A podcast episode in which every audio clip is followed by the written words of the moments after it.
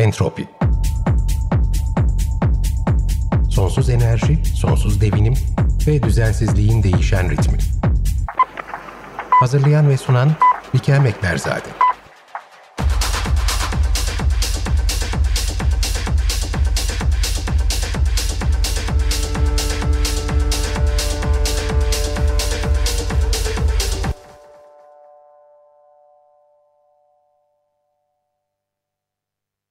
Merhaba sevgili Açık Radyo dinleyicileri. Her ne kadar biz bu korona günlerinde doğanın kısmen insansız kaldığı bölgelerde nasıl canlandığını, normalde sıklıkla karşılaşmadığımız birçok vahşi hayvan türünün artan sayılarla şehir merkezlerine çok yakınlarında gözlemlendiğini konuşuyor olsak da aslında rakamlardaki artış sadece insansız dünyanın keyfini çıkaran hayvanlarla sınırlı değil. Bu yılın ilk aylarından itibaren çevre koruyucularına düzenlenen suikastlerde de ciddi bir artış var. Her ne kadar bu yüksek profilli cinayetler yerel ya da ulusal manşetlerle sınırlı kalsa da dünyada kaybedilen her bir çevre koruyucu ayrı bir değer ve onların yokluğu da uzun vadede iklim değişikliğine karşı ve türlerin korunması için verilen mücadelede derinden hissedilecek. 2020 yılının her ayı çevre savunucular için bir öncekinden ve bugüne kadar hiç olmadığı kadar tehlikeli bir hale gelmiş durumda. Hatırlayacaksınız Ocak ayında Meksika'da kelebekler için ayrılmış özel bir doğa, doğa koruma alanı olan El Rosario'nun iki çalışanı birer hafta ara ile katledilmişlerdi. Cinayetlerin yasa dışı yollardan ağaç kesen bir mafyanın üyelerince işlendiği düşünülüyor. El Rosario gene hatırlayacaksınız UNESCO tarafından 2008 yılında Dünya Mirası listesine kabul edilmişti ve öldürülen çalışanlardan Gomez Gonzalez de kelebeklerin yaşam ve üreme hak hakkının en ateşli savunucularındandı. Yasa dışı ağaç kesimine ve orman habitatının avokado bahçeleri için giderek artan oranda feda edilmesine karşı da yoğun bir kampanya yürütüyordu. Aynı ay Nikaragua'da indijen bir topluluk olan Mayangnas'ın 6 üyesi aynı zamanda bir doğal korum, koruma alanı olan Bosavas'taki kendi topraklarında katledildiler. Bosavas Biyosfer Rezervasyonu'nda yaşayan Mayangnaslar uzun süredir yaşam alanlarının yabancı yerleşimcilerce işgal tehdidine karşı mücadele veriyorlardı. Bosavas'ta yaşananlara entropinin ilerleyen bölümlerine geniş yer vereceğiz. Ancak indijen toplulukların maruz kaldıkları işgal ve yerlerinden edilme tarihin tozlu sayfalarındaki hikayelerden ibaret değil. Bunu burada görüyoruz. Çok yakınımızda bu hikayeler ve çok gerçek. Ocak ayında Kolombiya'da aralarında doğal alan bekçilerinin de bulunduğu ve yasa dışı madencilikten yasa dışı ağaç kesimine kadar yayılan geniş bir yelpazede mücadele veren 40 çevre ve yerli hakları aktivisti katledilirken Şubat ayında yani tam bir ay sonra gene yasa dışı yollardan ağaç kesenlerle mücadele eden Costa Rikalı indijen aktivist Yeri Rivera uğradığı silahlı saldırıdan sağ kurtulamadı maalesef. Bir oran indijen topluluğunun üyesi olan Rivera yıllardır halkının atalarının yaşadığı topraklar üzerindeki hakkını savunmaya çalışıyordu. Özetle kendi halkının kendi topraklarında kalma ve yaşama hakkını savunuyordu. Brezilya'da ise Guajajara kabilesine ait 5 kişi ki bunlardan birisi de mücadelesine aşina kişilerin yakından tanıdığı şefleri Zezigo Rodriguez Guajajara hunharca katledildiler. Öldürülen kişilerin hemen hepsi geçtiğimiz Kasım ayında ölümünden hemen sonra Diklenkaya'da da haberleştirdiğimiz indijen çevre koruyucusu Paolo Paulino'nun da üyesi olduğu ve yasa dışı ağaç kesimine karşı mücadele veren Guardians of the Forest yani ormanın koruyucuları sivil örgütün üyeleriydi. 24 Nisan'da Kongo'daki Virunga Doğal Rezervine Ruandalı milisler tarafından yapılan saldırıda 13 park görevlisi saldırganlar tarafından öldürüldü. Ruanda soykırımında da geniş rol oynayan FDLR milislerinin düzenlediği saldırıda hedefte parka sığınmış siviller vardı. Ancak Virunga Ulusal Parkı UNESCO'nun Dünya Mirası listesinde de yer alan ve gerek biyo biyoçeşitlilik gerekse dağ gorillalarının yaşam doğal yaşam alanını oluşturan sık yağmur ormanlarıyla örülmüş bir bölge. Yani öyle her önüne geçenin kolaylıkla girebildiği ve dolaşabildiği bir yer değil. Ve sıklıkla bölgede yaygın olan kaçak avcılık ve buna karşı yapılan mücadele ile de gündemde. Park Nisan'daki saldırıdan tam bir ay önce gorillerin COVID-19'a karşı hiçbir bağışıklıkları olmadığı ve olası bir bulaşıda nesillerinin tehlike altına gireceği haberleri üzerine ziyaretçilere kapatılmıştı. Ve bizim ülkemizde mermer ocağı şirketlerine karşı uzun soluklu ve yoğun mücadeleleriyle tanınan ve 9 Mayıs 2017'de Kızılcık Yaylası'ndaki dağ evlerinde katledilen Aysin ve Ali Ulvi Büyük Nohutçu'nun ölümü üzerinden sadece 3 yıl geçmiş olsa da ve tutuklanarak tutuklanarak sevk edildiği Alanya cezaevinden intihar haberi gelen katil zanlısı her ne kadar ifadesinde hukuki mücadeleler sonucu kapatılan mermer ocağı şirketini cinayetin azmettiricisi olarak göstermiş olsa da asırlık sedir ve çam ağaçlarının bulunduğu bölge yerine konulamaz iki önemli koruyucunun kaybını bugün derinden hissetmekte.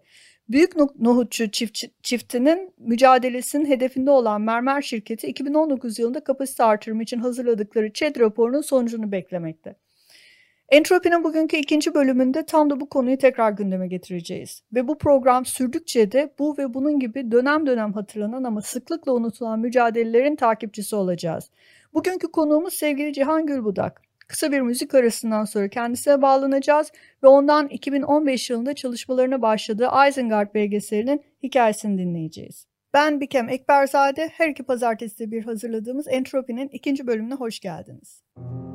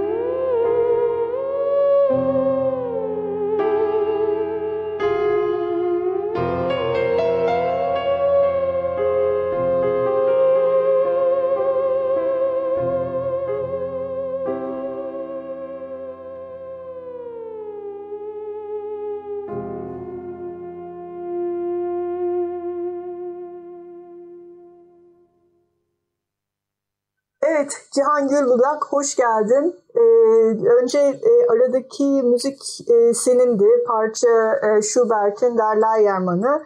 E, sen onu Terem'inde çaldın. Aynı zamanda bir Terem'in virtüözüsün. Doğru mu söyledim? E, hoş bulduk öncelikle. Şey, belki virtüöz değildir ama evet teremin çalarım. Evet teremin çalarsın ama gerçekten yok. Bence virtüöz çünkü çok başarılı parçalarım var. Ben de yakından takip ediyorum seni internette paylaştığın sürece. Canlı da görme şansı nail oldum bu arada. Ee, biraz e, şimdi sen çok yönlü bir insansın. E, hem yazarsın, e, ev yapımı kendi ürettiğin bir kitabın var. E, hiç kopyası bulunmuyor artık çünkü 660 kopyanın hepsinde sattın öyle değil mi? Hadis kısanın. Daha bir evvel tükendi. Tükendi. 46 numarada ben de gururla söylüyorum. Ee, aynı zamanda bir de, demin de söylediğim gibi bana göre bir teremin virtüözüsün. Ee, onun dışında da senin e, bugün burada konuşacağımız 2015'te hazırladığın kısa bir ve bunu uzun metraja çevirmek istediğin e, bir noktada bir belgesel var. Belgeselin ismi Isengard. Ee, ben e, den ziyade istersen sen bana bu belgede ve dinleyicilerimize e, bu belgeselin e, ne hakkında olduğunu kısaca bir özetler misin? Ee, belgesel ya o zamanlar çok daha yeni bir teknolojiyken yani bu aslında havadan görüntülenme 30-40 yılları var ama bu artık e, normal ev kullanıcısının da kullanabildiği hale gelme arifesinde e, benim cihazlar elde edip hava görüntüleriyle Türkiye'deki çevre ve kültür katliamlarını e, duyurmak için e, giriştiğim bir projeydi. Hı hı. Bu proje kapsamında da hatta Kuzey Ormanları var. Benim gördüğüm kadarıyla kısa metrajda e, Finike'yi çektin. Öyle değil mi? Fatsa'yı çektin. Fatsa var. E, Ve Doğu Beyazıt var. Doğu Beyazıt var. E, aynı zamanda İstanbul'dan da birkaç görüntü gördüm. Galiba Yangın Kulesi şeysi miydi o? E, Evet. Yangın Kulesi değil mi? Beyazıt'taki yangın kulesi. Aynen. Ee, şimdi bir de tabii sen şu anda Fatsa'da yaşıyorsun. Ee, e, en e, çarpıcı görüntüler, yani hepsi çok çarpıcı görüntülerin bu arada. Özellikle ilk üç bölüm e, Finike'deki e, mermer ocaklarını, Büyük Nohutçu çiftçinin de senelerce e, onlara karşı mücadele verdiği ve uğrunda hayatlarını kaybettikleri mermer ocaklarını e, görüntülemişsin. E, ondan sonra kuzey ormanlarından çok çarpıcı görüntüler var. Sanırım 3. köprünün yapım aşamasındaki yol yapımı öyle değil mi? E, bir de Fatsa'daki siyanür altın madeni var. Biraz kısa kısa onlardan bahsedelim mi? Evet yani o zamanlar siyasi ortam şu anki kadar e, baskıcı yani ev- evet o zaman da baskıcıydı ama en azından yani mesela ben, ben bu belgeseli çekerken jandarma tarafından gözaltına alındığında hani akşamına salıyorlardı. Büyük ihtimalle bu belgeseli şimdi çeksem jandarma gözaltına alsa epey bir sıkıntı yaşardım. Hı hı. Aslında şeydi hani e, başıma bu belgeseli çekip bu kadar e, iddialı bir isim hala bir şey gelmemesini ben de anlam veremiyorum. aman aman neyse ağzımızı Evet. hayra açalım. Yani şey 5 yıl evvelde ve dönüp baktığım zaman çok cesur oluyorum. Neden böyle bir şey yaptım? Yani delilik gibi geliyor şu an. Evet. Ee, ve şey yani şöyle söyleyeyim tam 2015 seçimlerin 2015 Haziran seçimlerinden bir gün evvel koydum yayına belgeseli. Amacım şuydu e, bu ön gösterimle yani 3-5 tane örneğin olduğu Hı hı. Görüntülerden sonra gerekli desteği toplumsal yani kamusal fonlamayı sağlayabilip 30-35 tane şehir vardı kafamda. Yani neden ne yazık ki bu konuda çok zenginiz. E, Evet. Kültür katliamları, Her gün de katliamları konusunda. zenginleşiyoruz. Aynen evet. Evet, e, dediğin gibi örneğin az evvel söylediğin gibi ben Fatsa'da e, örnek vereyim 5 yılda değişenlerden. Hı hı. O e, ocak büyüdükçe büyüdü ve şimdi mesela benim kendi köyümün de dahil olduğu 9 farklı köyü daha içeren yeni sondaj denemeleri yapılıyor şu sıralar. Hı hı. E, Fatsa'da altın, Fatsa ve civarında altın hikayesinin yani 60-70 yıllık bir mazisi var bu Kanadalı şirketin Hı hı. özelinde. Ee, şimdi daha da büyütmeye çalışıyorlar. Yani akıl almaz ölçüde bir açgözlülükle saldırıyorlar. Evet, bu şeyden biraz bahsettin aslında. Süreçten biraz bahsediyorsun Isengard'da ama Fatsa e, temelinde konuşursak nasıl başladı her şey? İlk önce köylülere mi geldi şirket? Çünkü burası bildiğim kadarıyla tapulu özel arazilerde öyle değil mi? Tabii tabii yani köylülere gelip köylülerle çok mantıklı ve çok güzel bonkör bir şekilde konuşuyorlar. Köye işte köy kadınlarına yardım yapıyorlar. Çok yani burada satın alınamayacak bir şey yani öyle bir fiyatlar konuşuluyor ki köyleri yani köylülerin de tarımdan ya da başka bir şeyden doğru düzgün geçinemedikleri için onları çaresiz bırakıp bir şekilde arazilerine çöküyorlar. Zaten şöyle bir şey var. Burada hikaye en başta sondaj yaptırmamaktan geçiyor. Yani e, yani araziyi satın alıp almamak değil. Gelip senden araziyi satın almıyorlar evvela. Hı hı. Önce burada sondaj yapalım diyorlar. Hı hı. Çok küçük bir bir para karşılığında köylünün de şeyi değil ki yani sonuçta arazi yine arazi kendi arazisi. Tabii. Sondaj yapılıyor. Fakat sondaj şöyle bir şey toprağa eğimli 200-300 metre farklı girdiğin zaman senin arazinden girmiş olmasına rağmen başkasının arazindeki arazisindeki altını da e, keşfedebiliyorlar. Hı hı. Dolayısıyla hani şey çok kolay. Ya pazarlığa gitmeden önce e, aslında karşılarında ne var e, onu bilerek gidiyorlar. Dolayısıyla e, belki de değerinin çok çok altında gidiyor bu araziler öyle değil mi? Ya, muhteşem altında gidiyor. Yani e, buradaki şey altın yoğunluğu çok büyük bir altın yoğunluğundan bahsediliyor. Yani hı hı. bulunan şey yani to, ton başına düşen altın yoğunluğu dünyanın orta, dünya ortalamasının çok üzerinde. Hı hı. Ee, ve dediğim gibi yani en başta köylüyü hiçbir şekilde yani arazi alma konusuna yani o çok kolay oluyor. Sondaj yapılıp toprağın kalitesinin, verimliliğinin ölçüldükten sonra yani şirketin sunamayacağı imkan yok. Yeter ki şeyi görsün hani nerede ne kadar altın var. O yüzden burada e, birkaç yıl evveline kadar insanlarla toplaşıp köylüleri bilinçlendirmeye çalışıyorduk. Yani mevzu hiç sondaj vurdurmamak. Hı hı. Sondaj vurulup da verimliliğin ortaya çıktığı anda şirket onu ne yapıp ne edip yani o arazileri kapatıyor. Evet. Şeyde zaten bunu e, Isengard'daki bölümde e, kısa ama çok net anlatıyorsun. Çok da güzel olmuş orası. Eline sağlık. Peki o 2015'te e, e, ki durumdur. E, 2015'ten 2020'ye kadar geçen 5 senelik zaman içerisinde Fatsa'da ne değişti? Ya şöyle anlatayım. Ben aslında İstanbul'da yaşayan, işte kendi müzik çevresi olan, kendi işte sanat çevresi olan bir tiptim. evet. Oradan, oradan buraya gelirken e, ben gelme sebebim gezi olaylarıyla başlayan süreçte benim yani sokak muhalefetinde, toplumsal muhalefet çok kendime zarar verecek ölçüde ilerilere gitmem yüzünden ben dedim ki biraz geri çekilip biraz da hayal kırıklığıyla geri çekilip geri memleketime döneyim idi. Daha sakin bir sakin bir hayatım olsun. Evet fakat ben memleketime gittiğimde işte bu altın hadisesiyle karşılaşınca biraz fıstırdım. Ee, değiş, bu beş yılda değişen şey sadece hani altın hikayesi de değil. Altın şirketi çok yani aç gözlü bir şekilde 9 farklı köye şu an saldırıyor Fatsa'da. Bunun haricinde her köyde en az bir tane taş ocağı var. Ve bu sadece Fatsa'da değil, bu Karadeniz'in tümünde var. Hı hı. Eğer taş ocağı yoksa HES var. Yani bir şey var. Hı hı. Biraz da şeyden bahseder misin? Ben e, biliyorum yani gitmemiş olmama rağmen senin paylaştığın görsellerden artık Fatsa'yı e, tanıyor, tanıyor gibi hissediyorum. Gerçekten e, cennet gibi ve sen Isengard'da da en sonunda da diyorsun yani bu belgesel bittiği zaman e, bir cenneti nasıl kaybettik ya da kaybetmenin e, eşiğinden nasıl geri döndük. Ee, şimdi Fatsa'nın aslında e, özellikle o bölgenin çünkü e, Gürcistan'daki Borjon ve Akasike e, biyolojik çeşitlilik e, sırtlarının da bir uzantısı oluyor aslında Fatsa. E, uç kesimi belki hatta. Ee, orada da çok ciddi bir e, kompleks e, ve biyoçeşitlilik anlamında belki bir e, koruma alanı olabilecek e, nitelikte e, endemik türleri barındıran, e, nadir türleri barındıran çok hassas bir ekosistem bildiğim kadarıyla doğru muyum? Doğru ama hani o kısma gelmeden daha da temel bence problem şu ki burası inanılmaz bir şekilde fındık üretimi ve bal üretiminin yapıldığı bir yer. Evet. Yani örneğin şimdi son birkaç aydır e, Fatsa'nın Bolaman tarafında yunuslar ölmeye başladı. Yani ve şey şüphesi insan buradaki insanlarda şey şüphesi var. Acaba hani siyanür falan hikayesi çünkü buradaki siyanür havuzları o kadar ilkel ki. Hı hı. Yani ve şöyle bir şey söyleyeyim. Fatsa'da e, Karadeniz bölgesi olduğu için bazen inanılmaz bir yağış oluyor.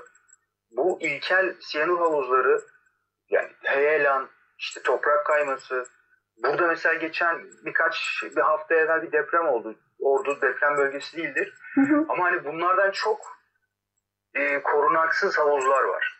Dolayısıyla o, o siyanür havuzlarındaki siyanür birikintilerinin yeraltı sularına ya da dereler vasıtasıyla denize ulaşması yani buradaki hem can yani biyolojik çeşitliliği bir kenara bırakıyorum burada üretilen fındığın, burada üretilen balın kalitesinin evet. hatta kalitesinden de öte artık İçeriğine, yenilebilir olmasının etkiler ve bence bu faturaya verilecek çok daha büyük bir zarardır.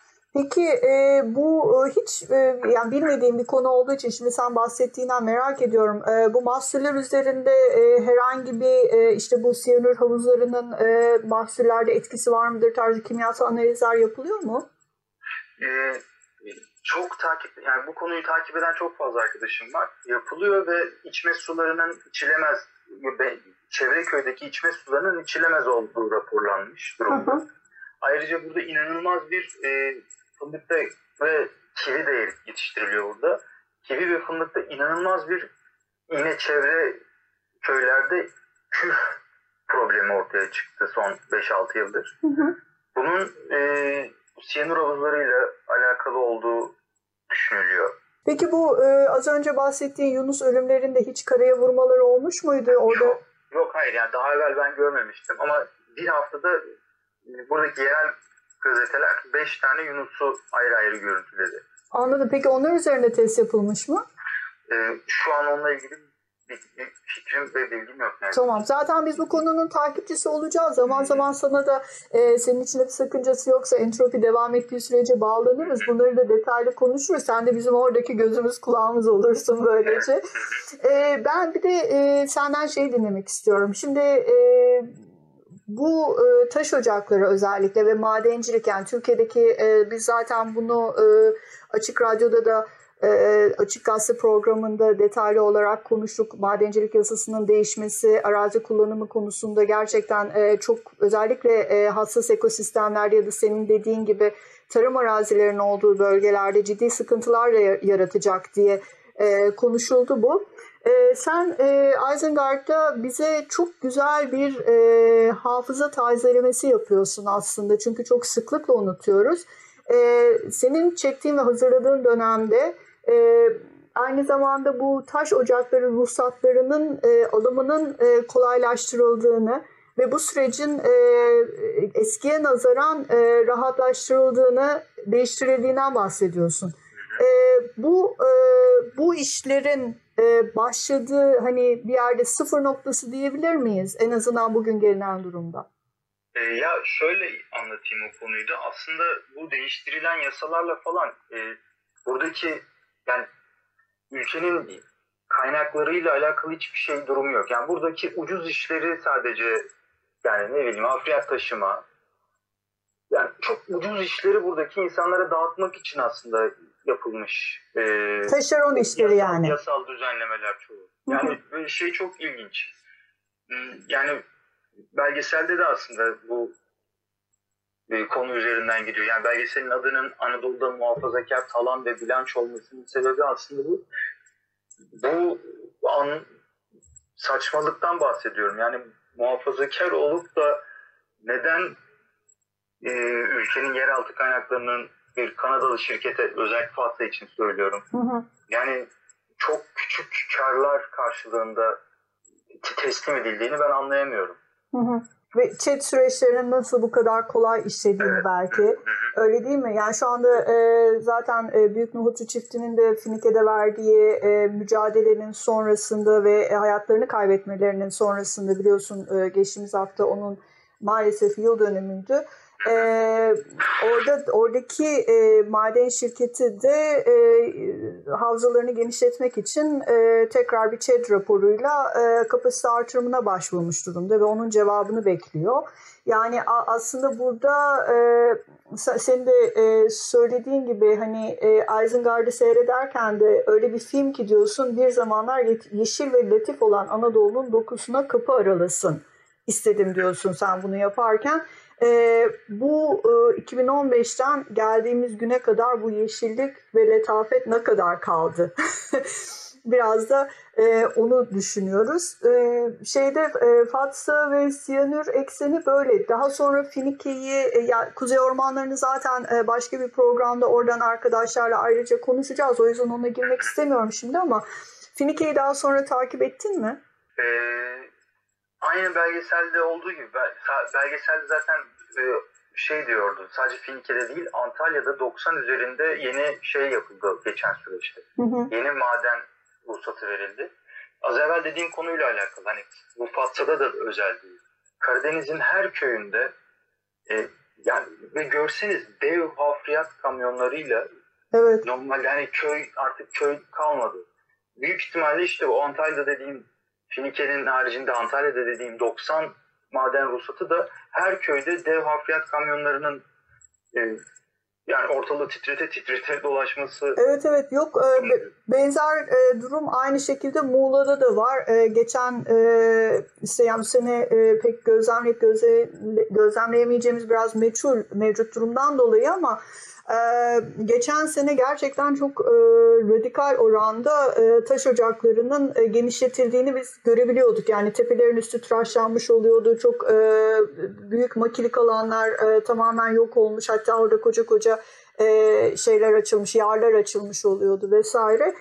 E, yani sizin orada da e, durumun e, benzer şekilde bu kadar hızlı genişlediğini düşünürsek e, daha sonra İlerleyen programlarda belki Finike'ye de canlı bağlanma şansımız olur. E, oradaki durumu da öğreniriz ama orada da çok farklı olduğunu düşünmüyoruz. Yani zaten e, az önce söyledim e, Mermer Ocağı kapasite artırımına gidiyor. Gitme kararı almış. Bunun için gerekli başvuruları yapmış durumda. Peki buradan nereye gideceğiz? Sen Isengard konusunda artık ne düşünüyorsun Cihan? Bunu bunu e, tekrardan e, hayata geçirip daha büyük ölçekli uzun metrajlı bir şey yapmak konusundaki fikrin nedir? Ya açıkçası e, tıpkı İstanbul'daki o e, hareketli ortamı terk edip Fatsa'ya gelip burada tekrar o hareketli ortamın içine Isengard'ı yaparak düşmem bir basamaksa şu an aslında şey değilim yani bu kadar e, kameralı militan gibi dolaşmak istemiyorum ama yani artık daha başka bir e, mücadele yöntemi kafamda var. Yani biliyorsun kitap falan ıvır zıvır şeyler yapıyorum. Hı hı. Ee, var olan düzende az evvel konuştuğumuz gibi mesela chat falan konuş bu konular artık yani hukukun rafa kaldırıldığı bir ülkede bunların artık çok bir önemi yok diye düşünüyorum. Hı. Yani burada arkadaşlarımızla da konuşuyoruz. Yani bunun belki de tek çözümü bir noktada diş göstermek. Yani hukuk, hukukla Ama Isengard, Isengard de çok güzel e, bir şekilde, gayet kibar bir şekilde ve senin de en başta söylediğin gibi sert, ödün vermeyen bir şekilde diş gösteriyor. E, ya aynı zamanda da bak 2015'teki bir e, yapılmış bir iş. Bugün 2020'deyiz. E, bizim için çok güzel bir hafıza tazelemesi oluyor. Yani şu açıdan bakınca benim muhteşem içim ferah. Ben mesela bu mücadelede üzerime düşenin fazlasıyla yerine getirdiğimi hissediyorum. Ama e, yani mesela oturup kendi köyünü ko- korumalısın gibi evet, düşünüyorum. Kesinlikle. Yani ben şimdi, Daha küçük alanlarda değil mi? Evet. Yani kendi topluluklarını oluşturup kendi köyünü biraz böyle e, ya burada 80 yani 79 80 gibi Fikri Sönmez'in yaptığı gibi yani belki küçük komiteler kurup o tip bir e, mücadele yoluna gitmemiz gerekiyor diye düşünüyorum. Daha yerelden e, küçük evet. küçük ufak ufak on ama bir şekilde temasta kalarak e, fikir e, paylaşarak tecrübeleri aktararak şimdi artık zaten e, yani korona günlerinde çok fazla e, menzili e, genişletme şansımız da yok. Şehirler arası seyahatinde kısıtlandığı bir dönemde. E, o yüzden en azından etrafımızdakini koruyabilirsek e, bu da güzel bir yaklaşım. Bu da çok desteklenmesi ve e, olasılığı da çok yüksek bir yaklaşım. Başarı olasılığı çok yüksek bir yaklaşım. O yüzden benim de takdir ettiğim bir şey aslında. O zaman hepimize kolay gelsin sevgili Cihan Gülbudak. E, ilerleyen entropi programlarında da e, FATSA'dan gelişmelerle umarız pozitif sıcak gelişmeler olur ama her türlüsünde tekrardan bir araya geliriz. Uzun uzun konuşuruz burada. Bol bol vaktimiz var artık. Teşekkür ederim. Görüşmek üzere. Ben teşekkür ederim. Görüşmek üzere. Evet sevgili Entropi dinleyicileri, Entropi'nin ikinci bölümünde sizi ufak bir dünya turu ardından Fatsa'ya götürdük. Umarız memnun kalmışsınızdır. İki hafta sonra üçüncü bölümümüz ile gene burada Açık Radyomuzda tekrar buluşmak üzere. Sağlıklı kalın, radyoyla kalın.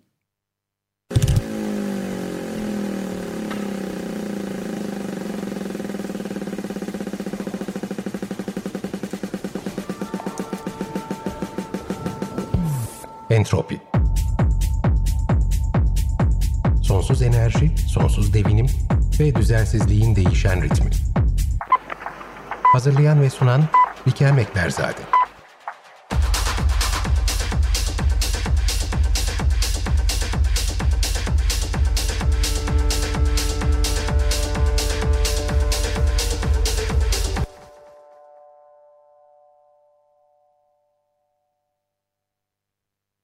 Açık Radyo program destekçisi olun. Bir veya daha fazla programa destek olmak için 212 alan koduyla 343 41 41